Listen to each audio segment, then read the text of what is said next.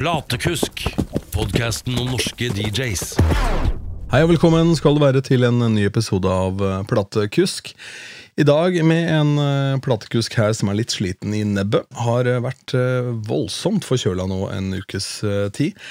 Heldigvis eh, ikke noe uh, verken covid eller eh, omikron eller hva pokker det heter nå om eh, dagen å få påvist eh, enn så lenge, så krysser fingrene for at det vedvarer. Denne episoden som vi skal hoppe inn i i dag, det er eh, en prat med min venn og kollega Erik Valstrand, eh, som eh, i sin tid var en av de aller første som jeg spilte inn en episode med tilbake i starten av eh, september. Eh, og da var det et par uker igjen før Norge åpna opp igjen etter koronanedstenging. En åpning som eh, ble litt mer kortvarig enn både jeg og sikkert også du hadde håpa på. Eh, og skal jeg være ærlig, så har aldri omikron appellert noe spesielt til meg, verken i form av spillet fra 90-tallet, som selveste David Bowie da laga musikk til, eller i denne varianten som vi nå er vitne til. Dette her er kjedelige greier, men eh, folk blir jo smitta i tusentall. da. Testes riktignok også da mange flere enn før, men eh, vi får um, håpe at vi får orden på dette også, at vi kommer oss igjennom det her. da. Jeg er verken noen selvhjelpsguru eller noen motivator av noe slag. Men det er lov å føle at livet ikke er helt ti av ti akkurat nå. Eh, Det eneste fornuftige man kan prøve å gjøre, er å bruke tiden man eventuelt har til overs pga. utsatt eller kansellerte oppdrag til noe konstruktivt. Og eh, etter praten med Erik så skal du få et helt konkret forslag på hva du kan bruke den tiden til, som eh, jeg er ganske sikker på at du kommer til å være glad for at du brukte tiden på i etterkant, dersom ikke du har gjort det allerede. Men først, altså, vi skrur klokken tilbake til lenge før omikron, da delta fremdeles var noe vi snakket om her til lands. Her er eh, min prat med Erik Valestrand, også kjent som Sunday Morning nå om dagen. Hallo, Erik. Hallo. Ja, jeg kan bare forsikre de som hører på at jeg har eh, faktisk da sendt meldinger til folk jeg overhodet ikke kjenner. Det skal ikke bli en sånn podkast hvor jeg bare sitter og prater med gamle venner. dette her. Eh, Men også du er jo en gammel venn av meg. da, og eh, Grunnen til at du er invitert nå, det er jo rett og slett fordi du har tatt et steg fra det kommersielle markedet over til jeg kaller det, om ikke hobbybasis, i hvert fall da rendyrka et format da, innenfor tekno. Det kommer vi litt tilbake til etter hvert her, men eh, fortell meg, da, hvordan begynte du å spille? altså Hvordan starta det for deg? Eh, du, det begynner å bli fryktelig, fryktelig lenge siden. Eh, det var vel rundt 2000-2001 Ja, noe rundt der. Videregående skoletid. Eh, begynte å henge mye med en gjeng med rappere, hiphopere. Eh, fant jo fort ut at det var jeg ganske dårlig på. Jeg òg. men men har alltid vært Jeg Har alltid drevet mye med musikk og sånne ting, så det blei liksom eh, eh, til at det da dukka opp et DJ-kurs på det lokale ungdomshuset. Og da tenkte jeg det hørtes fett ut. Så da heiv jeg meg på det. Begynte å snurre hiphop-skiver og sammen med disse gutta. Og så har det egentlig bare rulla derfra. Men hva var det som var typ eh, lærer der på det kurset? Eh, Det var en som heter Christian. Jeg husker jeg ikke helt eh, navnet hans, men han, han jobba jo mye sammen med, sammen med Rumblin og sånne ting. Ja. Så han var en del av den klikken der, da. Men det det, høres ut som det er På den tida også var det jo bare, da var det jo bare vinyl. Det, det var ikke noe CDJs eller noe sånt da, så da, da var det jo å stå i platebutikken og grave etter skiver, da. mm. Ja, Det hadde vel kommet noen sånne doble Denon-spillere og litt sånn forskjellig akkurat i det momentet der, tror jeg. Men Ja, jeg tror de første CDJ-ene til Pioner, de kom vel akkurat rundt den tida, tror jeg. Ja, jeg var faktisk på lanseringa av den aller første. Den første visninga av CD1000 i Norge var jeg på. Eh, Mm. Og da var det en fra CMS Audio som viste fram en eh, spiller der. Og mm, samme dag så lurte han meg til å kjøpe et par eh, DJ-headset fra Technics, som jeg har den dag i dag og bruker som backup. Så det var ikke, Ja. det var ikke noe dårlig kjøp. Nei. De lagde ting for å vare på den tida der. Men hva var det du endte opp med å spille? Fordi dette her er jo omtrent da jeg begynte også. Det var en sånn veldig rar brytningsfase, for jeg fikk jo hele mitt store break på at alle de som var resident DJs på det stedet jeg begynte å spille, sånn 13-14-åring, de likte aller best å spille trans eller club, ikke sant? men så hata jentene det. Altså De satt i trappa i protest fram til du fikk på noe Jennifer Lopez og noe Shakira der. Eh, og jeg syns jo det var hyggelig med jenter som dansa, for da ble det jo baromsetning og sånn, så jeg fikk jo utrolig masse gigs veldig fort fordi jeg spilte R&B. Eh, kunne jo ikke mikse det om det så hadde vært en eh, Ja, altså en kakemiks fra Toro, liksom, men Eh, det var nå en gang sånn at programmeringa var viktigere enn miksinga også den gangen. Ja. Eh, nei, det var liksom eh, Det var jo ikke noe særlig spilling ute jeg drev med på den tida. Det var mer for moro sammen med gutta og, og sånne ting. Og etter videregående så, så mista jeg mer eller mindre kontakten med den gjengen, så da blei det en ganske lang pause. Jeg la det veldig på hylla. Og så begynte jeg eh, en del seinere å jobbe Jeg jobber jo som fotograf eh, nå. og Begynte å jobbe mye i utelivet, og da kom, det jo, kom jo interessen veldig tilbake, da. Mm. Og så fikk jeg da en mulighet etter hvert til å begynne å spille et sted i, i Lillestrøm. Og så har det bare balla på seg etter det, egentlig. Ja, ikke sant? Og så etter hvert så endte du opp da med å holdt på å si jobbe for meg. Det høres ut som jeg er en baron her, men jeg har nå booka ja. noen DJs til noen utesteder opp igjennom, og du var en av de. Og jeg husker det var en gang hvor jeg fikk en eh, Det er litt artig, jeg fikk en klage på deg, da. det tviler jeg ikke på. Ja, og da var det, var det en venninne av meg som hadde vært og, eh, på dette stedet, Barcode, som heter, og så hadde du spilt, og så syntes hun ikke musikken var sånn som hun ville ha. Da, så spurte jeg henne om hun hadde gått opp og, og spurt om noe annet, da, men det hadde hun ikke turt, da, for det så så skummel ut. for du er jo en type med tatoveringer som man kan se på. Jeg skal ja. stjele et bilde av deg og legge på Instagram. Der, også, med tatoveringer ja. og, og, store ringer i øra og sånn, så kan jo, kan jo fremstå litt fryktinngytende, vil jeg tro, men allikevel, det er jo ingen som er mer hyggelig enn deg. Mm, nei, det er hyggelig at du sier det. Det er oftere de som ser skumlest ut, er oftere de aller hyggeligste folka. det er noe med det, faktisk. Men har du holdt, holdt, deg til uh, plater hele veien? For du spilte jo også vinyl den gangen da, husker jeg. altså Riktignok en sånn digital Nei, jeg har jo ikke det. Um, jeg har uh, stort sett spilt uh, enten med kontroller eller, eller CDJs, men det er jo ikke før de siste åra jeg egentlig har Eller kjøpte platespiller igjen, da, og så begynte å spille digital vinyl. Hva var det første DJ-oppsettet du eide? da? Var det, ja? Tru. Det tror jeg var en sånn eh, En sånn helt enkel sånn traktorkontroller. Sånn bitte liten eh, X1 er vel den heter. Og sånn, sånn liten mikser. Mm. Uh, egentlig veldig, veldig kurant å, å spille på. Og veldig, veldig greit å ha med seg rundt. Men det ser jo kanskje litt stusslig ut med en sånn kontroller som er litt større enn en uh, stor mobiltelefon.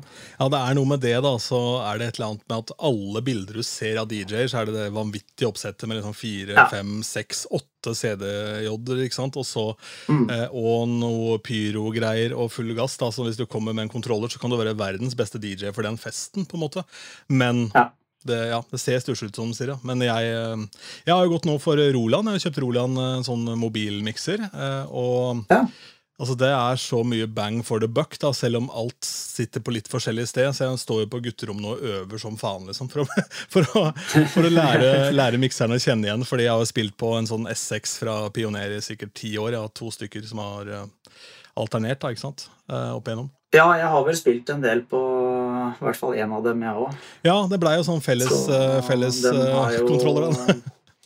Den var sliten sist jeg spilte på den. for å si det Ja, sånn. Jeg har ikke hatt råd til å gjøre service på den i koronatida, så den er fremdeles sliten, den. Men, uh, men så endte du da opp med å slutte å gjøre kommersielle jobber totalt. Da, da har det mer som en sånn hobbygreie. fordi det er jo en sånn pussig greie med at vi nordmenn fram til på en måte Matoma og Kygo og Ørjan kanskje til en viss grad, da, så var jo vi også der sånn hestehode bak svenskene. Vi klarte på en måte ikke å skape dere superstjerne-DJ-en som svenskene skapte på løpende bånd hele veien. da. Nei, det er liksom en, en bitte liten håndfull da, som vi har. eh, Mens eh, ja, de er vel kanskje ikke i Norge eh, sånn i kommersiell sammenheng, så er det vel ikke DJ de fleste tenker når de tenker på f.eks. Kygo og sånne ting. Da, selv om det er jo det det er. Men Ja, men det er jo klart at det, vi har ikke den kulturen, på en måte. det går jo hånd i hanske. da. Det er jo, det er jo en sånn uh, greie med at du produserer for å på en måte kunne gjøre de store gigsa også. Det er jo klart, det er jo det som er nøkkelen nå, er jo selvfølgelig å skape noe eget. da. Um, for å breake. Men jeg tenker på den gang da også, tilbake liksom tidlig 2000, så kom det masse mix compilations. Hadde du Lulus Morinari, du hadde Stigma gjorde sine ting, Carl E. Mm. Um, Lars Holte, ikke minst. eh, Og Ja. den På den tida så var jo, så var jo spesielt et trans-miljø og sånn var jo veldig stort. Eh, og ja, litt før det igjen også så hadde vi jo store arrangementer som Hyperstate og sånne ting, men eh, det døde vel litt ut. Ja, det var jo, Politiet ville jo ta til livs òg. Det var jo bare skrekkbilder på, på Dagsrevyen. Det var jo helt jævlig opplegg, egentlig. Eh, Det var Ja. jo null fokus på at det kunne være kultur. Eh, og det har jo kanskje Mm. blitt litt mer åpning for nå, da, selv om, eh, selv om det vel sitter noen gamle innrøyka folk i politiet nå. Ja. Men det er vel mer fortsatt den der eh, festivalkulturen som, som gjelder, da, og ikke kanskje så mye den gode, gamle rave Og det har gjenoppstått i covid-tida, da, ikke sant? hvor folk bare stikker opp i skauen og drar seg en helvetes fest. Der. Ja, absolutt. Det har jo vært mye, mye skogsraves eh, siste året. Det har det. Har du vært på det noen gang? Nei, dessverre. Jeg har ikke kara meg til det. Men eh, jeg har jo en del bekjente som eh, både har spilt og deltatt på en del av de, og det er visst ganske, ganske bra greier, altså. Jeg hørte et opptak fra jeg tror Waterfront, ja, hvor politiet stengte døra mens DJ-en spilte, og så dro han på mikken, så hører du på mikken at liksom politiet tar over boksen. da. Eh, eh, det er jo nydelig at man teipa den kvelden der, da. Um, Mm. Men hvorfor ble det tekno? Altså nå, nå spiller dere jo da primært tekno, og deler det da med folk på nettet. Hvordan er det å få tekno-gigs liksom, som DJ? Nå får man vel kanskje ikke noen gigs i det hele tatt da, i koronatida, men eh, ja. Nei, jeg kom jo egentlig aldri så langt eh, til å begynne å jobbe for å få sånne gigs, men eh, etter det jeg har skjønt, så er det jo ikke veldig enkelt. Det er et ganske snevert miljø og, og vanskelig å komme inn i da, hvis du ikke kjenner folk. Så det er jo, det er jo veldig mye nettverk det går på. Det er det. Men ja, hvorfor endte du opp med tekno da, og ikke trans eller club eller ja. Nei, det har vel bare utvikla seg dit. Jeg har alltid, alltid hatt en god fot innafor eh, elektronisk eh, musikk, i tillegg til alt annet jeg hører på og liker. Jeg har jo også drevet spilt i mange år i metallband og sånne ting, så musikkspekteret er jo ganske stort. Eller, Eh, Sånn Max Martin-variant. ja. Eh, nei, så det er jo Det var jo da rundt eh, 2000-tallet, eller kanskje før det igjen også, når eh, Tiesto og sånne ting eh, begynte å bli kjent og populært, så så eh, var jeg veldig glad i det, og så oppdaga jeg jo etter hvert mer eh, housemusikk og mer undergrunnsting, og så har det egentlig bare utvikla seg derfra, ettersom jeg oppdaga nye ting. Så landa på tekno. Ja, ikke sant? Ja, for de som hører på den podden her nå, da, kanskje er helt i startfasen av sin DJ-karriere. da. Eh, og for de så er elektronisk musikk er EDM. altså Forklar på en måte hva er eh, hva er forskjellen da på, på eh, kanskje mer kommersiell EDM og tekno? sånn, Jeg klarer ikke å sette helt fingeren på det sjøl, så jeg tenkte jeg kunne hive deg under bussen. Nei, det er jo mer øh, eh, Hva skal man si? Det er kanskje litt særere, eh, litt hardere, mer monotont ofte. Eh, ikke så er ikke så basert på å bygge opp til et sånn kjempe put your fucking hands up-klimaks, og så dropp, og så på nytt igjen. Det er mer den samme eh, samme flowen som du skal kunne bare danse til og miste deg sjøl til i fire, fem, seks timer i strekk. Ja, for, for det er denne suggererende bassen som bare dundrer og går. da. Det er jo det Ja. som er greia. Og, og tekno, der er det vel også fremdeles overganger som gjerne varer et par minutter. Ja. Mm, Og det, det, er mer, det er mer rytmer enn det er melodi ofte, da. mm. Altså Jeg ble sittende her og, og gruble litt, da, for når jeg begynte å tenke tekno, så gikk jo huet mitt også rett tilbake til på en måte den tida da, ikke sant, hvor Tiesto breaka, og du hadde disse svære festene, og på Hyperstate så hadde du Main Room, og der, var liksom, der spilte jo DJ Shaun. og, og Sonic var vel der strengt tatt et år også. Men, men, men i hvert fall så har du da ofte sånne der siderom og, hvor det spilles da hardere musikk, eh, være seg tekno eller eh, noe annet. da. Og Mm.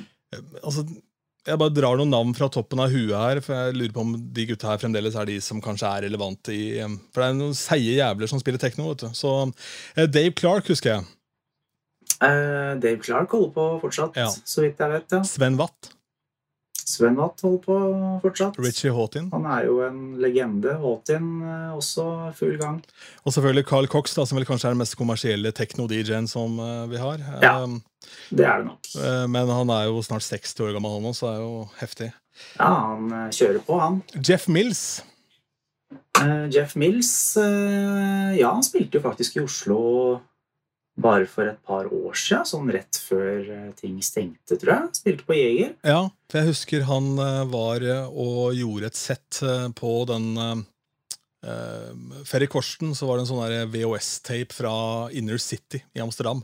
Ja. Og der var det da Techno Room, da, og der kjører Jeff Mm. Mills så jævlig på.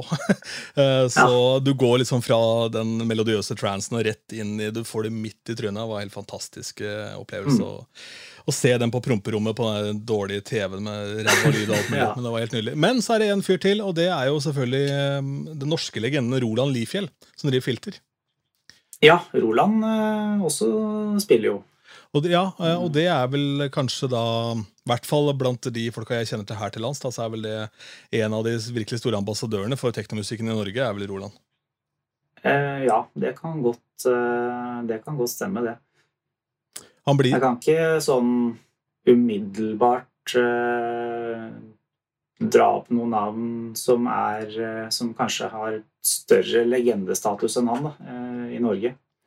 I hvert fall innen det feltet. Nei, det var jo Jeg husker jo en av mix-platene. Da var det jo Omar, men det var jo en blanding av på en måte både house og techno og alt mulig rart. Da. Så Ja. sånn rendyrka så tror jeg vel Roland alltid mer eller mindre har spilt techno. Så det er, Ja. det er det som er hans hjertebarn. Og selvfølgelig så har han jo solgt eh, kontrollere og skiver og alt mulig til eh, utrolig mange up and coming eh, og også etablerte folk. da. Um, Sjappa hans Mm. ligger for øvrig da på Europarådets plass i Oslo. Så søk opp filtermusikk og støtt Roland, for det har ikke vært bare bare å drive filter heller, tror jeg, midt i denne pandemien og den dritten som vi er i. Nei, jeg tror ikke det. Men eh, hva er det spillet på nå, da? Hva for et oppsett er det du har nå? Eh, nå er det to Technics 1210 Mark 2. Eh, og så bruker jeg en, egentlig bare en gammel eh, traktormikser. I mangel på noe bedre, holdt jeg på å si. Eh, god lyd inn, men eh, den mangler litt på effekter og sånne ting. Da. Så jeg skulle gjerne ha oppgradert den eh, etter hvert. Eller noe deilig med basics òg, da. Ja, det er jo det. Mm. det er, men den er jo liksom laga for å spille digitalt med. Så den har jo ikke noen effekter innebygd. Du må liksom ha traktor da, for å Ja. Kunne utnytte den til det fulle. ja, det er vel litt sånn catch 22, det er, for vi skal jo tjene noe penger på både software og på utstyr og litt sånn Ja. etter hvert her. Men eh, eh, Og så, hvor mye måtte du ut med for tolvtiden nå? For jeg jeg er bitter ettersmak eh, i dette spørsmålet. For jeg kom over en spiller som knapt var brukt, som kjøpte av en radiokanal. Eh, Som hadde kjøpt Ja. den da rett før radioen gikk over til eh, CD. eh, Og da fikk de alle promoplatene på CD, så den hadde bare stått og støva ned. Og Den fikk jeg kjøpt for bare noen tusenlapper, og så hadde jeg Fikk meg dame vet, for noen år siden, ikke sant? og da skulle jo alt bli så, alt, ja, alt skulle bli så fint og flott. Eh, og det var jo faen ikke måte på til drømmedame det var, og hei og hå. Og da endte jeg opp med å selge de for at vi skulle reise på ferie. Det var for så vidt en hyggelig gest, Ja. da, men jeg angrer jo Jeg som også en har bikkje den dag i solgt tolvtinnene tolvtiendene mine to ganger. Mm. Eh, angrer like mye hver gang. Ja. Eh, forrige gang så solgte jeg de til eh, til uh, de som dreiv uh, Yes-fest på Jessheim. Ja, kult. En hiphop-festival. Uh, for jeg trengte cash, og de trengte spillere til backline. Så da solgte jeg de. De- blei da stående, har jeg blitt fortalt etterpå, i flightene sine. Aldri tatt opp av flightene, for de sto bare som backup på den festivalen. Ja. Så sto de da på lageret til han eh, Kent eh, i et års tid, før jeg da kjøpte de tilbake. Og da hadde de fortsatt ikke vært åpna, de flightene. ja, det er jo helt vilt, da. Men, eh, men samtidig, da. Hvis, det, hvis noe hadde gått galt underveis, da, så måtte de jo på en måte hatt backupen. Så det er klart, det er jo, Ja. det er jo en lærdom i det også. Ja, Nei, Han fant vel ut at det var kanskje mer lønnsomt å leie de hvis han trengte det. Hva er det du kaller deg nå? Fordi jeg husker du bytta navn til et av de bedre DJ-navnene jeg har hørt i mitt liv. Eh, altså, du vet jo Erik High Five heter når du spilte kommersielt og ute blant Ja. vanlige dødelige. ikke sant? Og så Mm. eh, bytta du navn til Mormors pistol. Du må nesten forklare. Yes. Du må forklare. Nei, det var bare Jeg, jeg trengte bare et nytt navn eh, som ikke skulle være assosiert med de gamle greiene. Og så Jeg tror jeg satt og scrolla på YouTube eller noe sånt en dag, så snubla jeg over den gamle KLM-sketsjen eller hva det er, med den russiske ubåtkapteinen som sier 'Hvor er mormors pistol?' Og da var det bare Ja, ok, da er mormors pistol. Det er dritfunny. Og så gikk det litt, og så tenkte jeg at faen, det funker jo veldig dårlig på engelsk. Ja, Det er jo ingen som skjønner det utafor Norges grenser. Så Til tross for at han skulle være russisk, da, han ubåtkapteinen. Så det er fascinerende. Ja. Mm. Nei, så da grubla jeg litt, og så endte jeg da på Sunday morning ja. Uh, til slutt. Jeg må si det at eh, jeg tror hvis ikke det er eh, tankene mine og, og et sånt eh, hva skal jeg si, et um, falsk minne, så mener jeg huske at da du fulgte meg med den profilen på Instagram, så var jeg noe fyllesyk en søndag morgen. eh, Og et eller annet med det at du plinger i telefonen, så står det 'mormors pistol' følger deg på Insta. Da, da, da kjenner du at du lever, altså. Ja. En annen ting jeg fant ut etter hvert, da, etter at jeg tok det navnet, det var jo at det er tydeligvis et norsk metal-band eller rockeband eller noe sånt som kaller seg det samme. Ja, nettopp, ja. ja. Um, og da ble det litt sånn ja. Ja, ja, men altså Det hadde vært fascinerende hvis det noen hadde kommet og sett på deg og trodde det var de. Altså, det hadde, Ja, ja. hadde blitt uh, De tror jeg hadde De hadde de hadde tørt, ja, de hadde tørt å gå opp og si fra, da, for å si det sånn. ja, det kan hende. Men vi var inne på litt med nettverk her og sånn i stad, i og med at det, er, det blir jo veldig lokka altså DJ-bransjen i utgangspunktet er jo en ganske sånn lokka greie, selv om det er mer åpent enn på lenge, fordi all musikk er tilgjengelig for alle.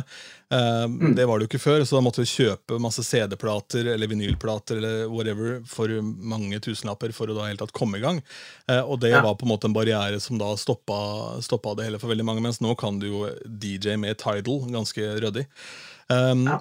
Men um, du har jo da også gått litt i bresjen for å lage da en Er det en Twitch-konto, eller altså forklare hva som er greia? Fordi du ønsker å spre på en måte de som er litt sånn spesialfelt. da.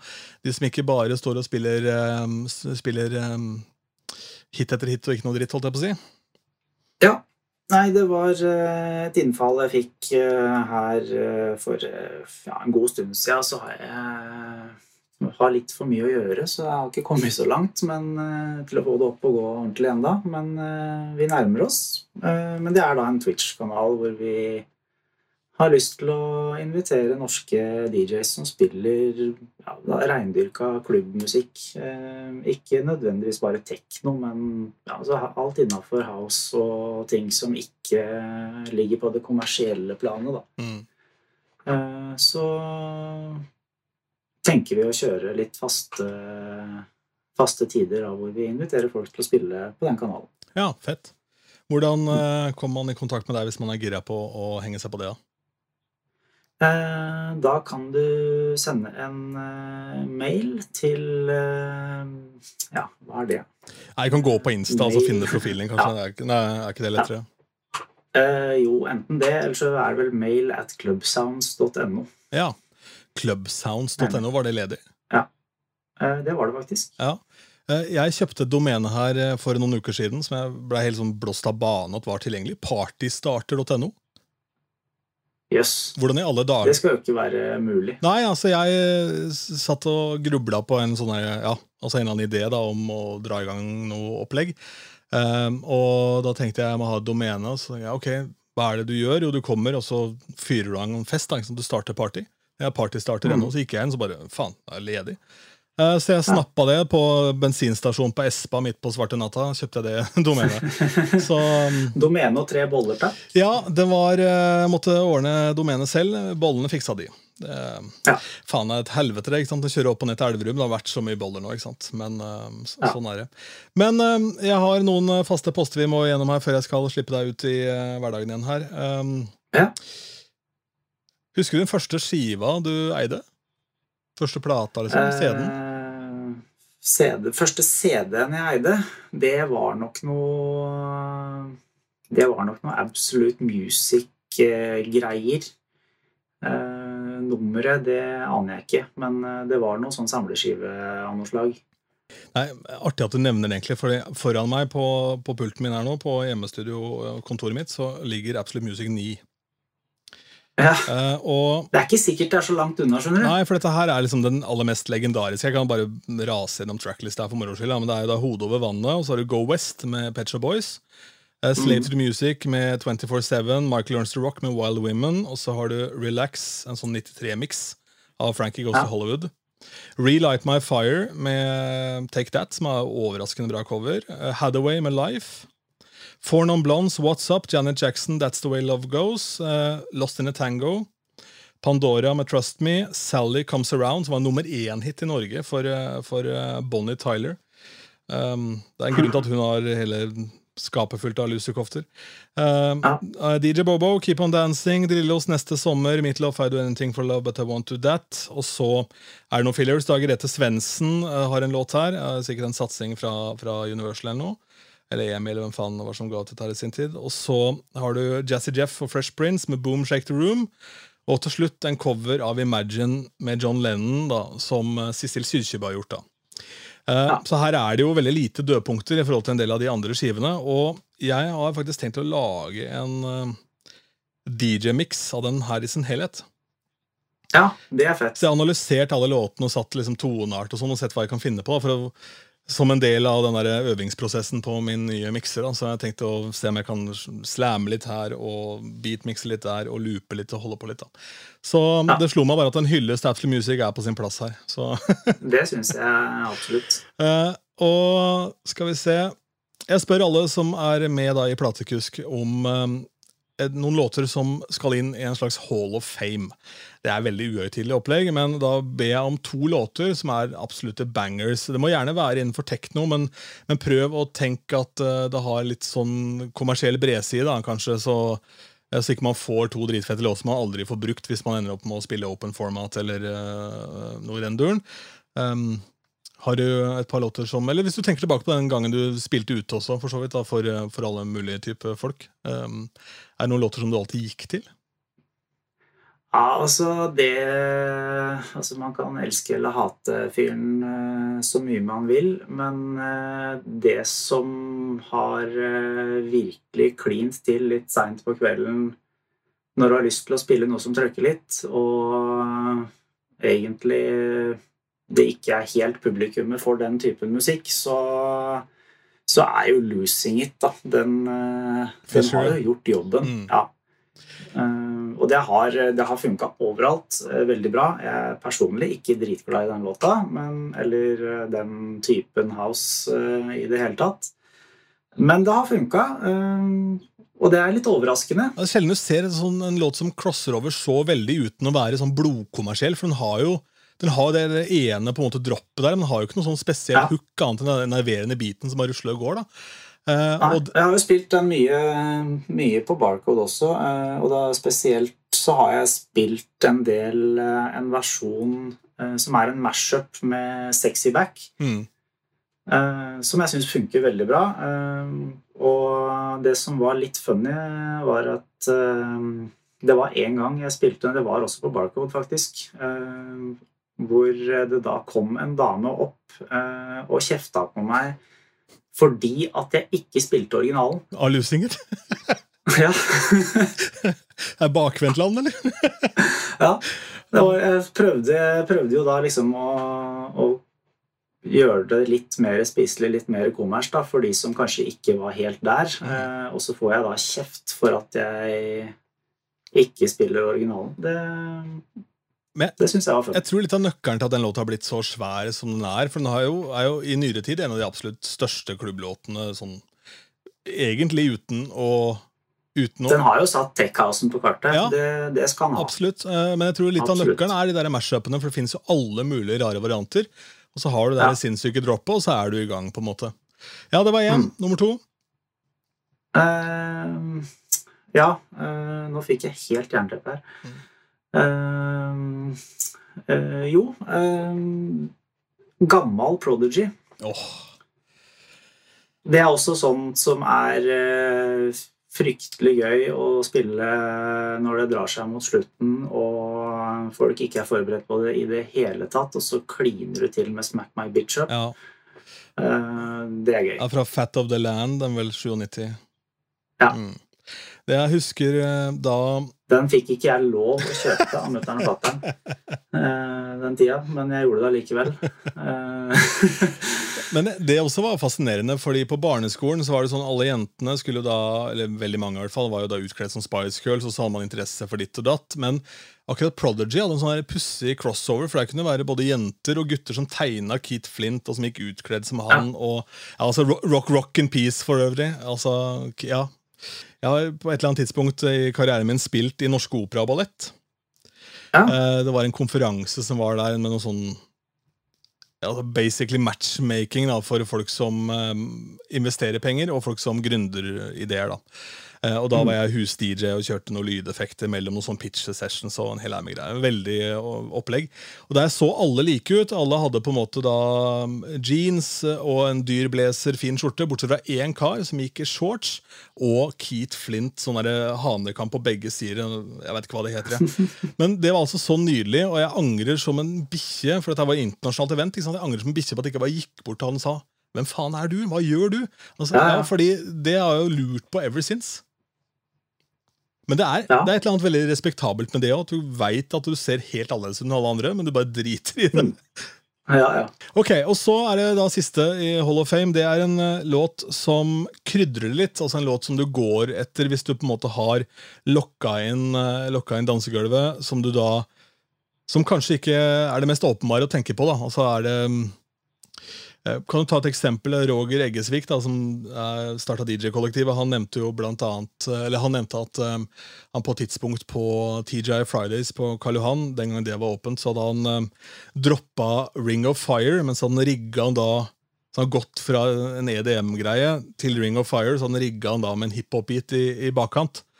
Eh, Bare sånn for å sjokke publikum der, da. Eh, altså, det er jo et eksempel på noe sånn litt ekstremt, da, men du må jo vite litt hva du driver med for å gjøre det. Eller så kan du fort, Ja. fort tømme ikke bare gulvet, men hele sjappa. Ja, jeg har eh, Jeg syns det er gøy å lure folk litt med, med Opus av Erik Prytz. Ja. Eh, Fordi det er ikke så mange, i hvert fall i den kommersielle verden, som har hørt den. Eh, Og den bygger seg opp, og den bygger seg opp, og den bygger seg opp enda litt til. Og folk venter og venter og tror at nå kommer droppen, nå kommer det, nå kommer det, nå kommer det. Og så går det fem minutter da, før det slipper. Og den der spenningen som bygger seg opp da, det, den er ofte til å ta og føle på. Så, og når det først slipper da, så ja. Da, da klikker det. Det er, eh, det er en litt sånn uting, for nå skal alt, eh, i hvert fall i den kommersielle verden, skal man quick-mixe så jævlig. Alt skal gå så fort. Det er liksom Mm. bare ett et hvert sitt refreng, og så ut, selvfølgelig. eh, Fordi attention span fins jo ikke lenger. Um, og den tida husker jeg hvor man kunne spille hele Silence. Eh, Tiesto-miksen på byen, liksom. Alle ni og et halvt Mm. minuttene. Og bare, eller elleve, var det for faen. Alle elleve minuttene, og nesten bare trykke play på låta, og så rakna det for hele brakka. liksom. Det, jeg savner Ja. den tida. Der så har du um, Det begynner å bli noen år siden det funka, men når eh, Martin Garrix eh, slapp eh, Animals, så ble den veldig stor. Mm. Og da, etter hvert, da, så dukka det opp eh, en eh, slags eh, remix av den. Hvor noen da hadde bare tatt det partiet etter droppet og bytta ut den melodien med Old MacDonald Had a Ja, Farm. så, sånn toneplay-greier, rett og slett. Ja, Mm. Så når folk da liksom bygde seg opp på droppet og var så klare for den der catchy melodien de kjente, og så kommer det. Det var eh, Ja, det var priceless, faktisk. Ja, det er, eh, det er en sånn greie man kan gjøre da veldig, veldig sjeldent. eh, For folk må Ja, nesten glemme det funker et, par, funker et par ganger. I hvert fall på samme sted. Og så går det ikke lenger. mm, Absolutt.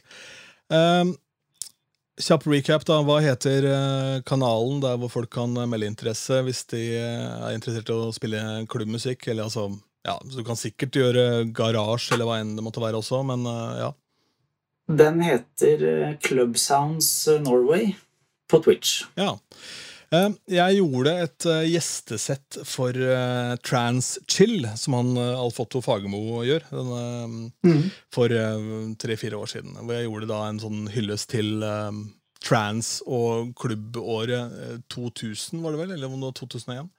Eh, Er det åpent for throwbacks på denne kanalen din? Eh, ja, Ja. det er det. Absolutt. Da får vi se hva vi får til. Så jeg får børsta av støv av en gammel sirkushest her. Så Ja. jeg har, har noen voldsomme planer for, eh, for noen trans-mikser etter hvert. Jeg har, eh, fikk, fikk los på et tidspunkt, og driver og ser om jeg kan grave fram en hel haug med gode, gamle klassikere. Før, eh, Mm. før du går, Erik, så er det siste spørsmål. Det er tenkt scenario. Du har vært eh, på spillejobb, spilt beinhard tekno på ja, type Det Villa da, i Oslo. Mm. Må kjøre hjem, for du har jo unger og kone og full pakke. ikke sant? Så det er jo tidlig opp dagen etterpå. Kjøre hjem, sitter i bilen. Hva er det du setter på da i bilen hjemover? Altså, Hva er det som er airbleach for deg av musikk? Enten så er det ingenting, bare helt eh, stille, eller så er det noe rolig house eh, av noe slag. eh, Altså elektronisk hele veien. Kanskje noe Ja, stort sett. Kanskje noe eh, Finnebassen eller eh, et eller annet sånt. Eh, ja, eller Simon. Ja, ikke sant? ja, det er jo en god blanding av, eh, av eh, Ja. elektronisk og rock der, da. Mm. Ja. Du, takk for praten. Det var en eh, sann glede. eh, Og Jo, takk for at jeg fikk være med. lykke til. Håper at folk flokker etter hvert til eh, denne kanalen din. Og ikke vær redd for å ta, ikke vær redd for å ta kontakt, da, selv om du kanskje er i startgropa. Sånn, og I verste fall så får du deg en ny venn. Og Erik er jo som sagt hyggelig, selv om han ser litt skummel ut. Så ha det. Yes, ha det. Vi snakkes. Det var eh, min snakk med kompis og kollega Erik Valestrand. Han skal for øvrig også få lov til å ta noen bilder av det ugletrynet mitt, så jeg har fått- noen nye, noen nye pressefotos. Begynner å bli ganske mm, mye mindre hårfeste enn det det er på de jeg driver og sender rundt til folk nå. Så Ronny Bergersen needs to update his uh, pictures. Ikke noe tvil om det, altså. Jeg lovte en liten greie du kan bruke tid på, for dette her tar tid. Det er uh, sånn ja, rett og slett drittarbeid, men eh, det er utrolig deilig når man er ferdig med det. Det handler om eh, energinivå, eller energy level, da, å kode sangene sine. Eh, en av de store fordelene ved at man DJ-er nå digitalt, er at man kan legge på et ekstra lag da, på musikkfilene med informasjon som man før kanskje måtte skrive på en eh, liten gul lapp i hjørnet, hvor fort eh, en låt gikk, osv. Og så var det en maxisingel med fire-fem remixer på, og så skriver du bare originalen. Skal du skrive alle remixene? Hvordan løser du den biten der? Eh, Det er veldig greit nå om dagen, for nå er jo en og en låt da, mappa inn i Serato, Recordbox, Traktor eller hva enn du måtte finne på å bruke. Og energy-koding, altså energy level på låtene dine, det er praktisk av flere årsaker. Eh, For eksempel så er det mindre fare for å slite ut folk på dansegulvet. Du kan ikke banke på med sanger som har på en måte høyeste score eh, i evig tid. Da blir folk utslitt, eh, og du ender opp da kanskje med å tømme gulvet med noen av de største låtene for kvelden. Det gjør det mye enklere å spille lounge og warm-up, for du eh, bestemmer på en måte selv hvor grensa går for at det skrider over til å bli en mer intens eh, fest. Og dersom du eh, praktiserer power mixing, quick mixing og den type ting, så er det også mye lettere å gå ganske drastisk fra A til B, eller å gjøre store endringer i, i tempo, f.eks., dersom du har noenlunde likt energy level på de to låtene du mikser sammen. Og så er spørsmålet da, hvordan skal du tagge dette? Eh, Mixed in Key er jo et eh, verktøy som jeg selv benytter. Eh, de leser låtene og gir en energy score fra 1 til 9. Har enda til gode å finne en sang som er 1, for det tror jeg er ganske stusslige greier. Men de aller fleste moderne poplåter ligger da et sted mellom 6 og 8. Eh, Noen er på 5. Eh, Og det fungerer bra for meg, jeg har blitt vant til det systemet. Det er egentlig ditt eget system eh, som eh, du bestemmer hvordan du vil eh, innføre, og hva du velger å gå for. Eh, Du kan bruke tall for eksempel, i comments-feltet, eh, kanskje en E og fire etterpå, hvis det er, det er en firer for deg, eh, ved å bare høre på låtene. For det er jo tross alt dine DJ-sett som du skal energy level-kode låtene for. Og ellers, da, om du er komplett nerd, sånn som meg, så kan du faktisk tappe inn i Spotifys egne data gjennom deres API. Det krever litt innsats for deg, så hvis alt det jeg sa nå bare høres helt gresk ut, så er kanskje ikke dette veien å gå, men eh, det er mye god data eh, å hente i API-en til Spotify. Den er tilgjengelig gratis, og eh, Dersom du gidder å i det, så legger jeg da en link til den API-en og mer informasjon i episodebeskrivelsen under episoden her. Og et siste tips da, angående koding av energinivå. Ikke bruk 1 til 3 som skala. Altså at eh, svake låter eller litt slappe låter er 1, eh, litt mer tempo 2, og 3 er da eh, topp energinivå. Du vil altfor ofte oppleve at en sang bare blir en toer, og da ender du opp med en hel haug med toere. Veldig få treere og veldig få enere. Da jeg kodet eh, sanger for radio, så brukte jeg 1 til 4, og det syns jeg fungerte fint, men der handla det også litt om at du eh, ville da på en måte skille ut eh, ytterkantene. Du ville ikke ha to sanger med en ener i energi oh, sorry. Eh, en ener i energi etter hverandre, og ei heller da to som var for intense etter hverandre. Det handler om variasjon, da. Det fungerte fint for meg. Kanskje er 1 til 5 optimalt for DJs. Det fins vel egentlig ingen fasit. Finn et system du liker, gå konsekvent for det.